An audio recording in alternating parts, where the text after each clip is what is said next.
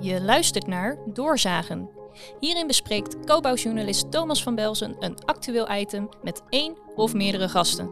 Samen scheiden ze de fabels van de feiten, bouwen ze op en zagen ze door.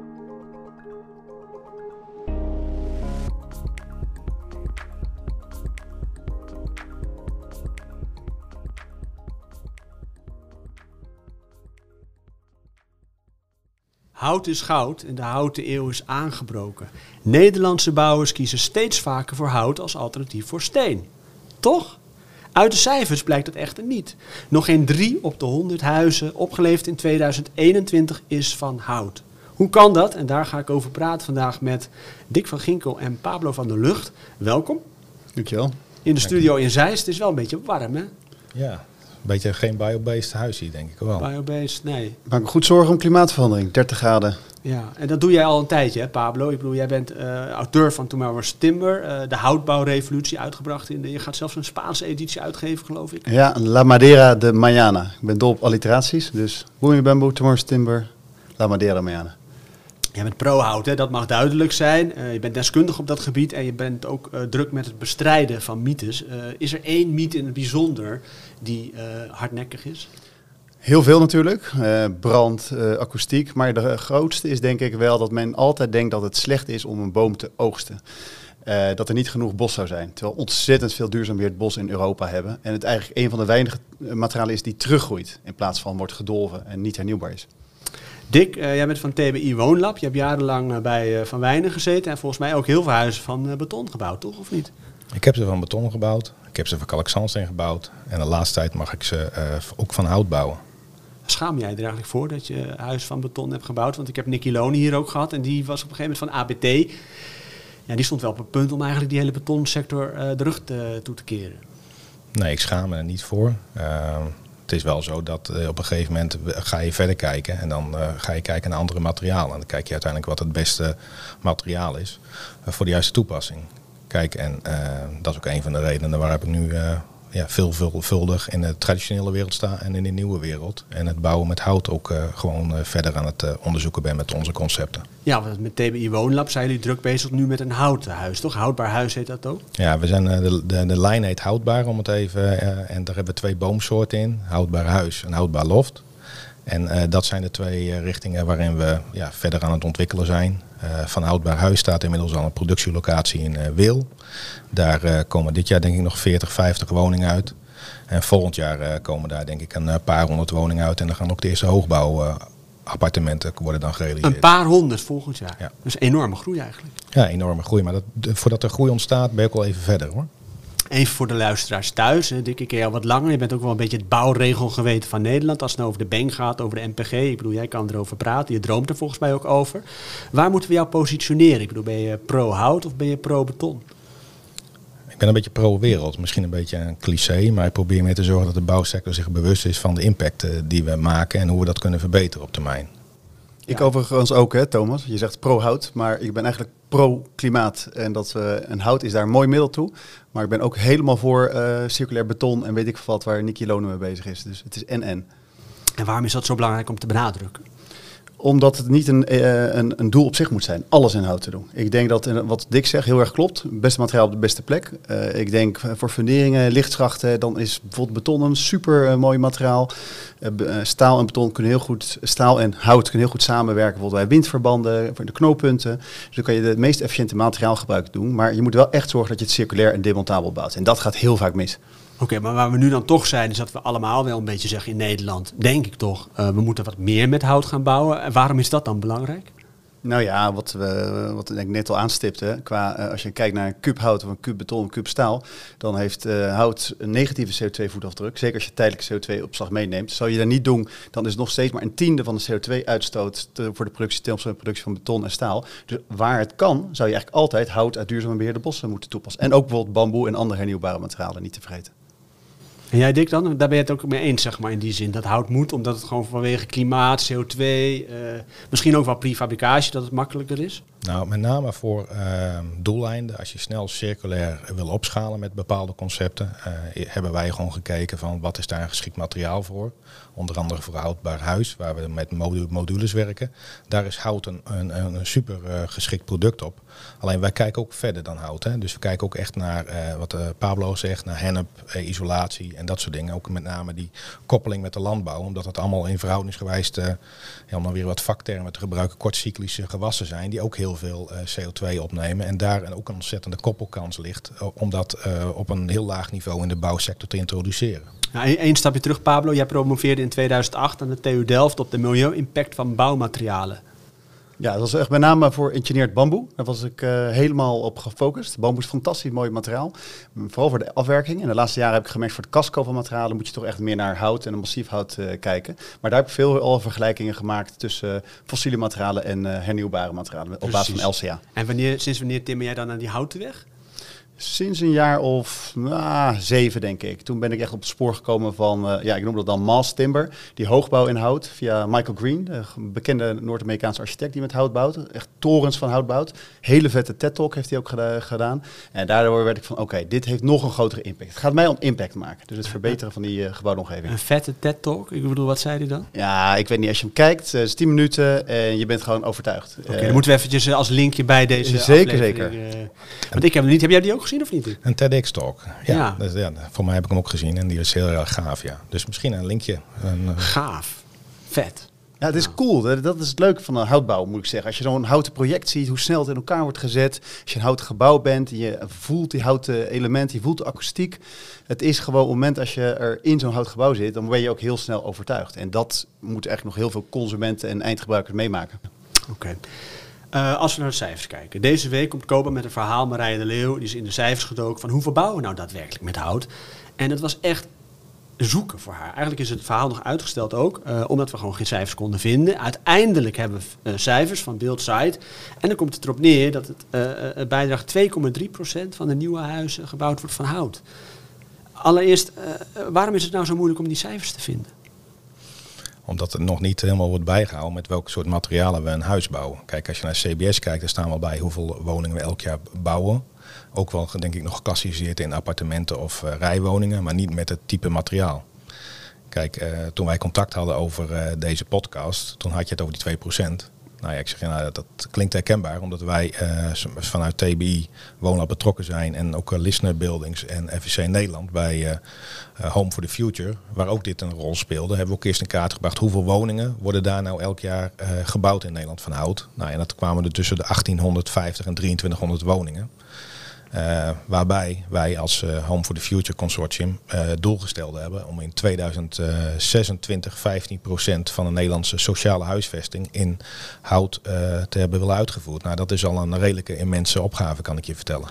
Maar die hele propaganda is de afgelopen jaren echt losgekomen. Ga nou meer bouwen met hout. Uh, hoe komt het? Ik val bijna met mijn stoel, met verbazing van mijn stoel, zeg maar, dat, dat het niet meer is dan die 2%. Nou, kijk, die, dat is de huidige getal. Hè? En ook wat je ziet in het artikel, dat is echt op basis van soms getal tot 2017. Uh, de tegenlichtuitzending over houtbouwers, die heeft echt heel veel enthousiasme veroorzaakt in de markt. Dat was denk ik 2018, 2019.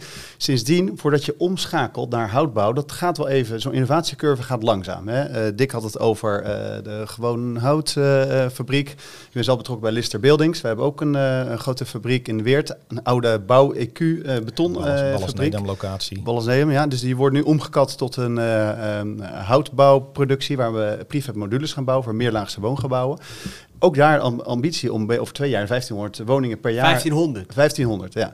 Maar dat, dat, de eerste projecten die komen, zijn we nu pas aan het produceren. 20 uh, woningen dit jaar, volgend jaar koffiefabriek, 100 woningen. Dus daar gaat ook wel wat tijd overheen. Dus dat er nu 2, 3 procent, dat geloof ik wel. Maar ik denk ook wat Dick zegt, 15 procent uh, van, voor de sociale woningbouw. Uh, de MRA, de metropoolregio Amsterdam, zegt 20 procent in 2025. 4000 woningen per jaar. En al die grote aannemers, we hebben het over TBI, maar ook Heijmans en BAM, die hebben ook allemaal woonfabrieken, houten fabrieken aangekocht. Houtskeletbouw. Precies, maar jij zegt dus het is een kwestie van tijd voordat dit gaat groeien, zeg maar, dat marktaandeel. Exact. Ja, ik denk wel. Je hebt, kijk, je hebt te maken met een adoptiecurve. eh, voordat eh, de kennis en kunde in de markt voldoende embedded is, mensen er vertrouwen in hebben, maar voornamelijk ook de consumenten. Kijk, als je ziet uh, bijvoorbeeld uh, de samenwerking vanuit de, vier brancheverenigingen, Lenteakkoord is nu ook aan het kijken naar uh, houtbouw. En dan zie je echt wel dat de grote ontwikkelaars het een en ander in ontwikkeling hebben. Maar er gaat gewoon even tijd overheen, omdat iedereen, het is weer een kennisgebied wat opnieuw on, on, onderzocht moet worden. Oké, okay, om vast te stellen van die 2,3 procent schrik jij niet? Nee, absoluut niet. En jij Pablo? Te, op basis van vijf jaar geleden niet. Maar ik denk dat het nu al een paar procent hoger is. En die uh, 2025 gaan wel denk ik 20 procent halen als iedereen zijn ambities zo bij blijft zitten. Ik zou hem even willen afpellen. Hè? Van, ik bedoel, je hebt het over listenbuildings. Jullie zijn met TBI Woonlab er druk mee. Volgens mij wil, uh, wil BAM er ook wat mee. Uh, Dura van Meer volgens mij ook. willen de bouwers zeg maar meer met hout bouwen, denk je, of niet in Nederland? Ja, men ziet toch wel de kansen om. Uh, MPG wordt steeds belangrijker. We gaan het zo nog even over hebben. Uh, als we nu zien met onze MPG-berekeningen voor Lister en voor de koffiefabriek, dan komen wij op, op basis van houtconcept. Nu komt steeds beter komt hout in die uh, Nationaal Milieudatabase met goede data. Dan zie je dat je veel makkelijker met hout on, op casco-niveau. Oké, okay, nee, duurzamer is het. Duurzamer is het. Maar, maar, wil ja. die bouw het ook? Omarmt hij het of is er toch nog aversie zeg maar tegen? De bouw gaat het, ik denk dat met name dat die, uh, wat we net al zeggen, die adoptiecurve gaat nu plaatsvinden. Je ziet bijna alle grote bouwers zie je wel met een houtbouwconcept of met een lijn uh, daar in ontwikkeling. Uh, en uiteindelijk zal het ook wel, uh, denk ik, een, een lijn naast de traditionele bouw komen. Die uiteindelijk ook gewoon impact zal gaan hebben. maar dat betekent wel dat alle randvoorwaarden, en Pablo refereerde net al een beetje naar de MPG, dat alle randvoorwaarden wel goed moeten zijn, wil dat zich doorzetten. En, en misschien ook goed om te noemen. Dus er komt ook steeds meer vraag aan de voorkant van beleggers die willen investeren in duurzaam vastgoed. Dus er wordt steeds meer uh, grote partijen, zeggen Sintes Achmea of grote ontwikkelaars, BPD, AM, waar dan Rabobank en ABN en zo, en zo achter zitten. Die willen juist naar de toekomst toe geen liability op hun uh, uh, portfolio zitten. Dus je ziet ook vanuit die vraagkant dat er steeds meer interesse komt in houdbaar. En dat is heel belangrijk, want dat is waar het geld rolt en het begint. Nou ja, waar het geld rolt, in, in hoeverre is zeg maar, de prijs van hout zeg maar, nog een obstakel? Want ik begrijp als ik daar in verdiep, dat de, de prijs van hout in, uh, sinds 2021 met 50% is gestegen. Nou, de, de bouwprijs, en uh, een tegenstelling wat veel wordt geroepen, de bouwprijs van houten gebouwen ligt nu nog wel wat hoger als traditioneel. Uh, daar, moet, daar moet ik gewoon heel eerlijk in zijn.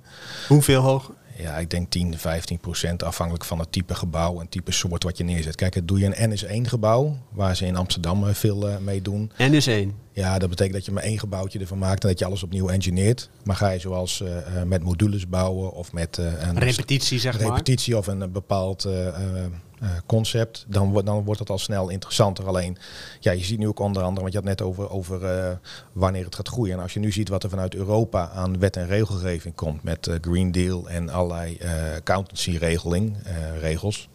En wat ook bijvoorbeeld nu in Amerika is ge, ge, ge, gebeurd door middel van die, nou ja, die act die ze een paar weken geleden hebben getekend. betekent zie je echt dat die low carbon bouwmateriaal echt een, een impuls gaan krijgen. Maar het leuke vind ik nog uh, dat uh, deze beweging ook andere sectoren nu uh, kietelt om echt meer over hun impact gaan na te gaan denken. Zoals? Nou, de betonindustrie zie je heel erg verduurzamen. zie je ook, en dat het elkaar helpt om uiteindelijk te maken dat iedereen zich beseft wordt van die impact. En dat je dus echt partijen nu ziet, schakelen van oké, wat is nou eigenlijk zijn LCA? En hoe, wat voor impact ga ik hebben op het milieu? Maar het belangrijkste vind ik nog, en daar hadden we het net nog even over, dat er ook op, op scholen les wordt gegeven van hoe ga ik nou een, een gebouw construeren uh, zodat het ook een tweede leven kan hebben. Want iedereen heeft zijn uh, praat erover van hey, we gaan met hout bouwen of met beton en circulair beton. Maar het gaat om hoe je de knooppunten, de interfaces Precies, maakt. maar die prijzen niet echt het issue, denk jij? Ja, uh, god, die 10, 15 procent duurder, dat helpt niet echt natuurlijk. Uh, dus uh, je, als je echt, echt kijkt naar je lifecycle costing, dus over de hele levensduur en de beheerfase en ook als je demontabel bouwt, de restwaarde. We voor listen uit laten rekenen voor de modules, nou heb je zeker 20% door IGG, door 20% restwaarde. Als je dat meeneemt in een business case, heb je een heel ander verhaal. Zeker als je zelf gebouwen in je portefeuille houdt. Dus dat geldt ook wat voor woningcorporaties, is dat relevant. Uh, en ja, wat we eigenlijk nog missen is die CO2-beprijzing. Uh, op het moment dat je echt direct die uh, 125 euro per ton CO2-voordeel of CO2-opslag in houten gebouw meeneemt, dan krijg je een heel ander uh, speelveld. En eigenlijk is het jammer dat dat nog niet heeft plaatsgevonden. Heel vaak wordt ook al gauw gezegd, hout dat piept en kraakt. Ik bedoel, het maakt overlast, geluidsoverlast. Is het ook ingewikkelder of, of is, dat, is dat een fabeltje? Ik denk dat het voornamelijk je eigen verdiepen in de materie is. En ook even soms een beetje omdenken. Kijk, in de traditionele bouw met uh, beton is uh, massa. Eh, en bij hout denk je heel anders. Dan ga je over eh, zwevende dekvloeren nadenken, het ontkoppelen van, van knooppunten. Dus het is oplosbaar. Alleen het betekent wel even dat je die kennis en kunde eh, binnen je organisatie moet halen of goede adviseurs eh, eh, bij je moet hebben. Klopt, dus we hebben minder ervaring duidelijk, want we Juist. zijn natuurlijk traditioneel een, eh, een mineraal land.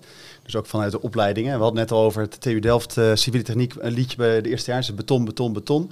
Maar dat eh, is nu daar ook een vakgroep houtbouw. eh, en En welk liedje moet zij gaan zingen dan? Ja, je had net over het houten hart. We hebben allemaal ook wel een houten hart. Ik vind het een hele mooie. Hoe gaat het ook weer dan? Oeh, dat wil je. Nee, dat. eh, Zet die maar als slot in hè? Dus, ja, dan moeten we een andere keer dat we eronder zetten wellicht. Ja. Dick, jij bent helemaal verslaafd eigenlijk van bouwregels. Hè? Jij weet alles over de BANG en over de MPG.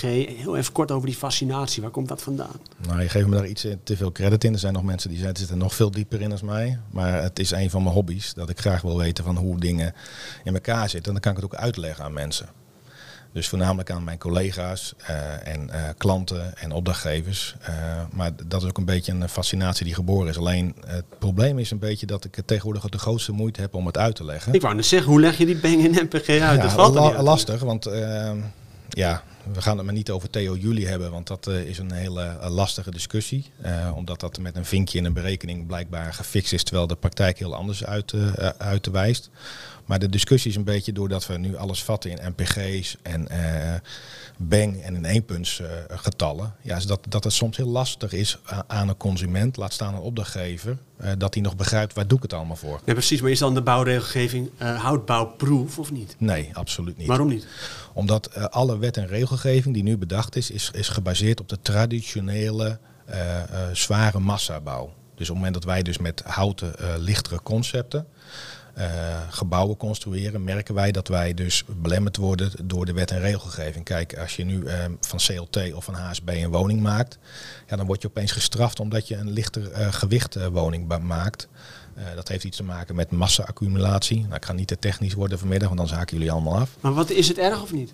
Nou, het is wel zo van dat het best wel sommige dingen belemmert. Terwijl er worden dingen aangenomen in de wet en regelgeving, terwijl de praktijk soms anders kan zijn. En daar is wel een, een redelijke, eh, ben ik redelijk druk bezig om daar met partijen over te praten. Ziet er nog heel ik ben even benieuwd, want iedereen heeft het inderdaad over de bang en die warmteaccumulatie. Is er wel iets gaande achter de schermen dat dat wordt bijgesteld? Nee, zover ik weet niet. Want is met, eh, waar, waar dan ik ook soms een beetje kritisch op ben, is dat de partijen roepen van we gaan de daken met hennep of vlas of eh, dat soort dingen isoleren. En we hebben dan een bepaalde faseverandering, dat je zo lang de temperatuur buiten zou houden. Ja, dan vraag je van, is, is er al overleg over? Of dat dat in de wet en regelgeving kan mee worden genomen? Ja, daar is momenteel nog 0,0 initiatief. Dus de waardering om die business case met die landbouwproducten eh, eh, nou ja, sluiten te maken, is best uitdagend op dit moment. Ja, dan moet eigenlijk Ruger de Jong ook goed weten. Ja, zeker. Ja, maar goed, ik praat nu met relatief twee deskundigen, denk ik. Maar eh, bereikt dit eh, verhaal de politiek ook wel voldoende dan? Want ik bedoel, er is bijvoorbeeld een manifest over de MPG. En laten we toch heel even erbij pakken. MPG, dat zijn de regels voor milieuvriendelijk bouwen. De houtsector geeft eigenlijk al langer aan dat hout wordt benadeeld. Ook de andere biobased materialen, omdat CO2-opslag niet meetelt. Ja, kijk, de- op zich is dat. van, ja, mij, de- nee, maar het gaat dus heel erg moeizaam. Dus de MPG, dus de Bang weet ik niet precies. Eh, De dingen weet, eh, Dick weet daar misschien iets meer van waar, hoe we daarvoor staan. Voor de MPG hebben die niet voor niets het MPG eh, een manifest gemaakt twee jaar geleden. Hebben we ingediend bij de minister. Die zou naar kijken. Heeft twee jaar geduurd om een rapport op te leveren. waarin een formule uitkomt hoe je inderdaad biogeen CO2 kan meetellen in die MPG-berekeningen. Hout scoort al goed in de MPG, maar eh één ton hout ligt, eh, of één kuub hout legt een ton CO2 vast. Dat wordt niet meegenomen in de berekening. Terwijl zo'n houten gebouw, dat staat als het goed is voor meer dan 100 jaar. Dus dat voordeel, het wordt gedaan al het eindlevensduur wordt verbrand. Nou, dat gaat over 50 jaar mag je niet eens meer verbranden. Plus, het heeft veel te veel waarde. Dus dat is heel eh, om, om te gaan verbranden. Dus het is heel vreemd dat dat, dat niet wordt meegenomen. En het dat twee jaar duurt na rekken en trekken eh, in allerlei Maar klankbordgroepjes. hoe kan dat nou? Ik heb minister De Jong heb ik in het begin eh, van zijn ministerscarrière als minister voor Wonen mogen ontmoeten kort. En hij zegt, ja nee, natuurlijk is hout goed, want dat is circulair. Maar uit de regels van hem blijkt dat dus niet. Nee, dus die 0,5, dat hij dat uh, strakker wil stellen, dat is heel mooi. Maar in dat rapport staat, ja, we hebben nu een formule. Het is een beleidsvraagstuk om te bepalen hoe deze berekeningsmethodiek een plek krijgt in de huidige systematiek. Ja, Aanhalingstekens sluiten. Dit is wat er staat. Dus we zijn eigenlijk geen steek verder. Precies, dus twee jaar over gedaan. is uitgevoerd waar de D66, D66 om heeft gevraagd, Exact. zeg maar. Dat is nu gepubliceerd. Ja. En daar zijn jullie niet echt, worden jullie niet echt En nu, van? nou ja, ik, prima, die formule is werkbaar. Eh, je kan wat van vinden, maar ik bedoel, we hebben in ieder geval een startpunt. Alleen je wil die eh, zien in de MPG-score. En dat moet dus echt nu geïnstalleerd worden in die eh, methodiek. En dat ligt er nog niet. Ook geen, volgens mij geen, eh, totaal geen idee hoe dat geïmplementeerd gaat worden. Maar we staan hier nu wat langer bij stil. Maar staat dit, zeg maar, eh, die houten eh, revolutie eh, in de weg, of niet? Nou, ik denk dat we voornamelijk, eh, ik denk wat Pablo zegt, dat het, eh, die duidelijkheid is nodig. Eh, kijk, ik heb dit rapport, eh, oh, voorlopig rapport ook gezien. Ik heb die formule gezien. Alleen volgens mij geeft dit nog geen, niet de vraag die toen door de Kamerleden is gesteld van geef een duidelijk antwoord hoe we dit mee kunnen nemen. En nu is het weer zodanig met een formule beantwoord. Eh, inderdaad, eh, bela- eh, belachelijk dat het twee jaar duurt. Want het heeft wel te maken met of business cases van in de breedste zin gaan vliegen. En Maar de partijen waar ze aan toe zijn. Maar voldoet dit onderzoek, zeg maar, niet aan de vraag die ooit is gesteld? Nou, dat durf ik best wel een vraagstelling op los te laten. Van, geef echt hoe dit gewaardeerd kan worden binnen de NPG. Ja, er zit een hele leuke formule achter. Maar als je dit rapport leest, dan moet je wel van aardige huizen komen om dit helemaal te kunnen interpre- in te interpreteren. Dus in twee jaar tijd zijn we niks opgeschoten.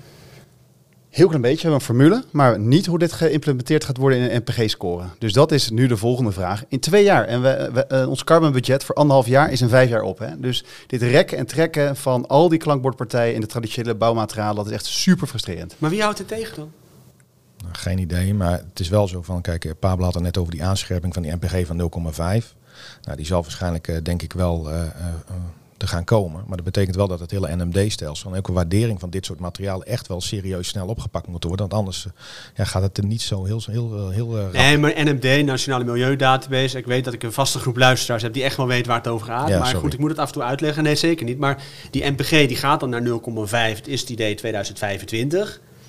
Eh, dus die wordt aangescherpt. Maar schiet daar al de houtbouw voldoende, of, of, of het klimaat, schiet die daar al wat mee op, zeg maar? Nou, ligt een beetje aan hoe je het bekijkt. Eh, kijk, ik denk als je het eh, bekijkt zoals wat nu naar gekeken wordt, eh, omdat er ook een bepaalde modules worden meegenomen waarin, eh, nou ja, hergebruik na 75 jaar in meegerekend mag worden, of dat je de eh, CO2 die het kost aan het begin meepakt. Kijk, als je dan enkel de module A pakt, dan heb je echt wel een beetje de richting wat de CO2-impact Maar is. kun je nog een betonnen huis maken met een NPG van 0,5? Ja, dat kan wel. En ja, dan moet je inderdaad echt in module A, als je daar echt op gaat kijken, dan moet je echt met circulair beton eh gaan werken. Dus of prefab, of met inderdaad die klinker-element eruit en eh, met een geopolymer als eh, binder.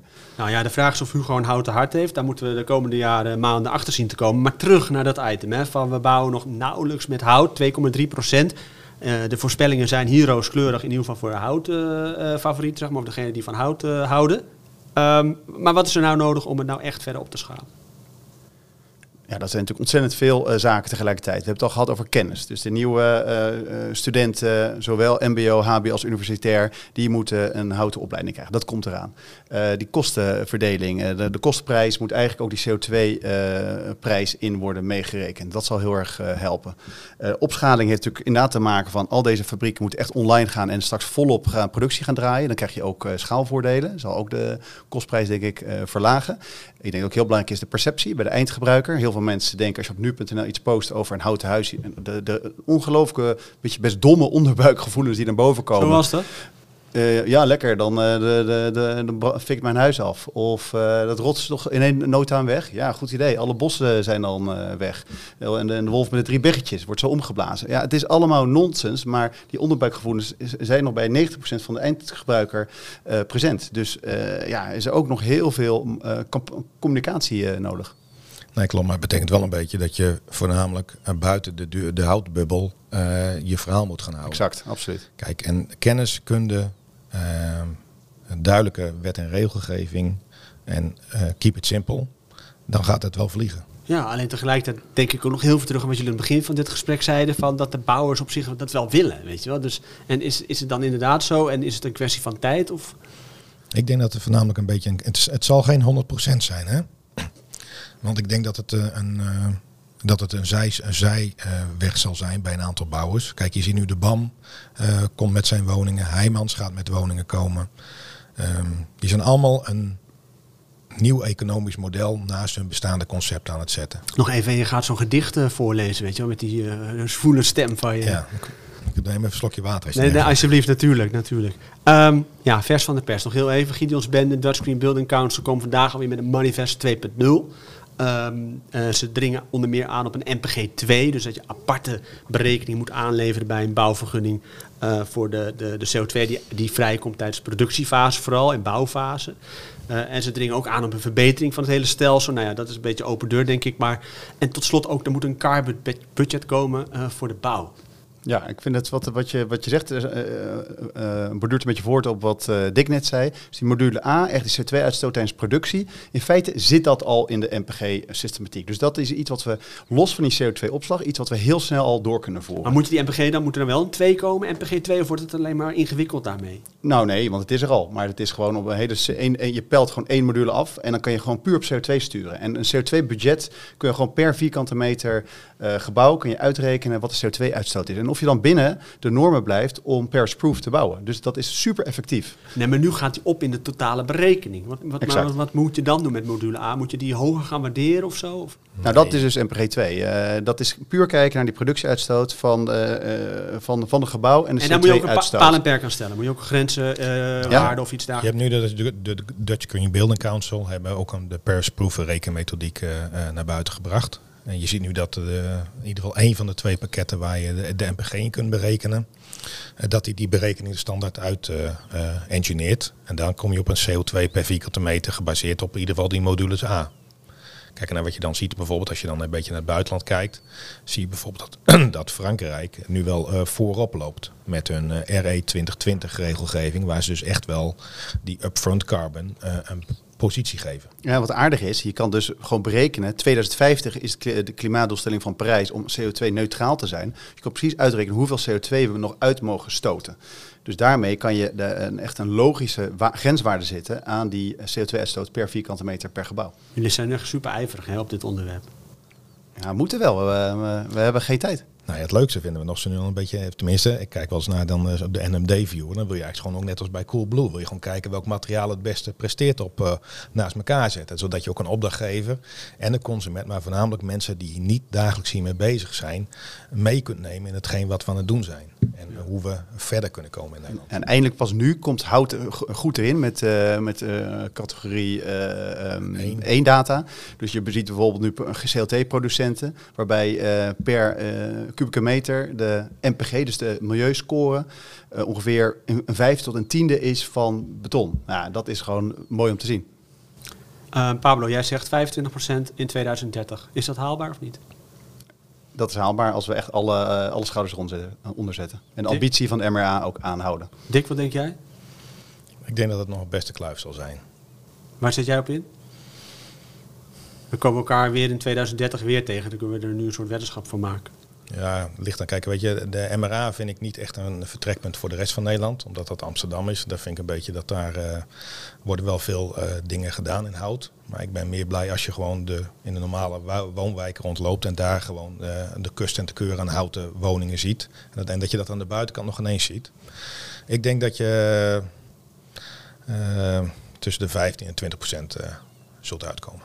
Houd hard bokaal, Thomas, voor een leuke weddenschap Ja, is goed. vanuit Cobouw. Ja, en wanneer, die gaan we uitreiken wanneer dan? In 2030 of zo? Mag wel eerder, is wel een leuk bokaal. Ja. 2025. Misschien een mooi resultaat. Iets wat je, wat je ook van biobased eh, producten kunt maken. Een mooie fles drank. Ja, ja ik, ben, ik, ik zit nog het is steeds wat zo'n technisch verhaal, maar het is een goed verhaal, denk ik. Maar en technisch, maar misschien juist vanwege dat technische dat het ook lastig is voor de grote mainstream om het te gaan omarmen uiteindelijk. Eh, is een houten huis ook gewoon leuker of comfortabeler of zo? De beleving is wel anders. Eh, je merkt gewoon dat het anders zich anders gedraagt. Maar dat heeft er maar met bepaalde bouwfysische aspecten eh, te maken. Alleen het onderzoek daarna eh, zou wel iets meer naar voren kunnen komen. Want ik eh, weet dat Mariette Rutte een tijdje geleden nog een, een artikel postte over biobased. En het is allemaal zo gezond. Ik denk, ja, maar die, die wetenschappelijke onderbouwing zou ik dan daar wel eens iets meer over willen zien. Want jij zei toen over het Shell-gebouw van heel veel beton toegepast. Ik word een beetje naar, het is zwaar en ik word een beetje naargeestig van. En wat, wat word je van een houten huis dan? Ja, ik heb natuurlijk het eh, voorrecht dat ik in veel, eh, ook in de jury van de Nationale Houtbouwprijs, eh, op hele gave houten gebouwen kom. Dus ook meerlaags eh, houten gebouwen. Dus H, hout, HUT ben ik eh, laatst geweest, of Stories in Amsterdam-Noord. Als je in die meerlaagse appartementengebouwen komt, dan is het, ja, het heeft het comfort van een traditioneel gebouw. Hè. Heel strak, heel mooi, mooi uitzicht, raampartijen. Maar dat hout, dat, eh, of in de plafond of in de wanden, eh, de akoestiek is prettig en het ziet er ongelooflijk mooi uit. Dus eh, alle bewoners geven dat ook aan. Ik ben ontzettend blij om hier te wonen. Wat ik vandaag heb geleerd, beton, we kunnen niet zonder beton, maar beton zou misschien wel iets duurzamer moeten. En als het gaat over hout, het komt goed, hout moet. Dames en heren, dit was Doorzagen. en, eh, dit zagen Ik ben we. Bedankt wel, eh, dankjewel eh, Pablo en dankjewel uh, Dick voor jullie komst. en graag tot de volgende keer. Dit was Doorzagen. Wil je meer nieuws en duiding over de bouw? Ga dan naar cobouw.nl.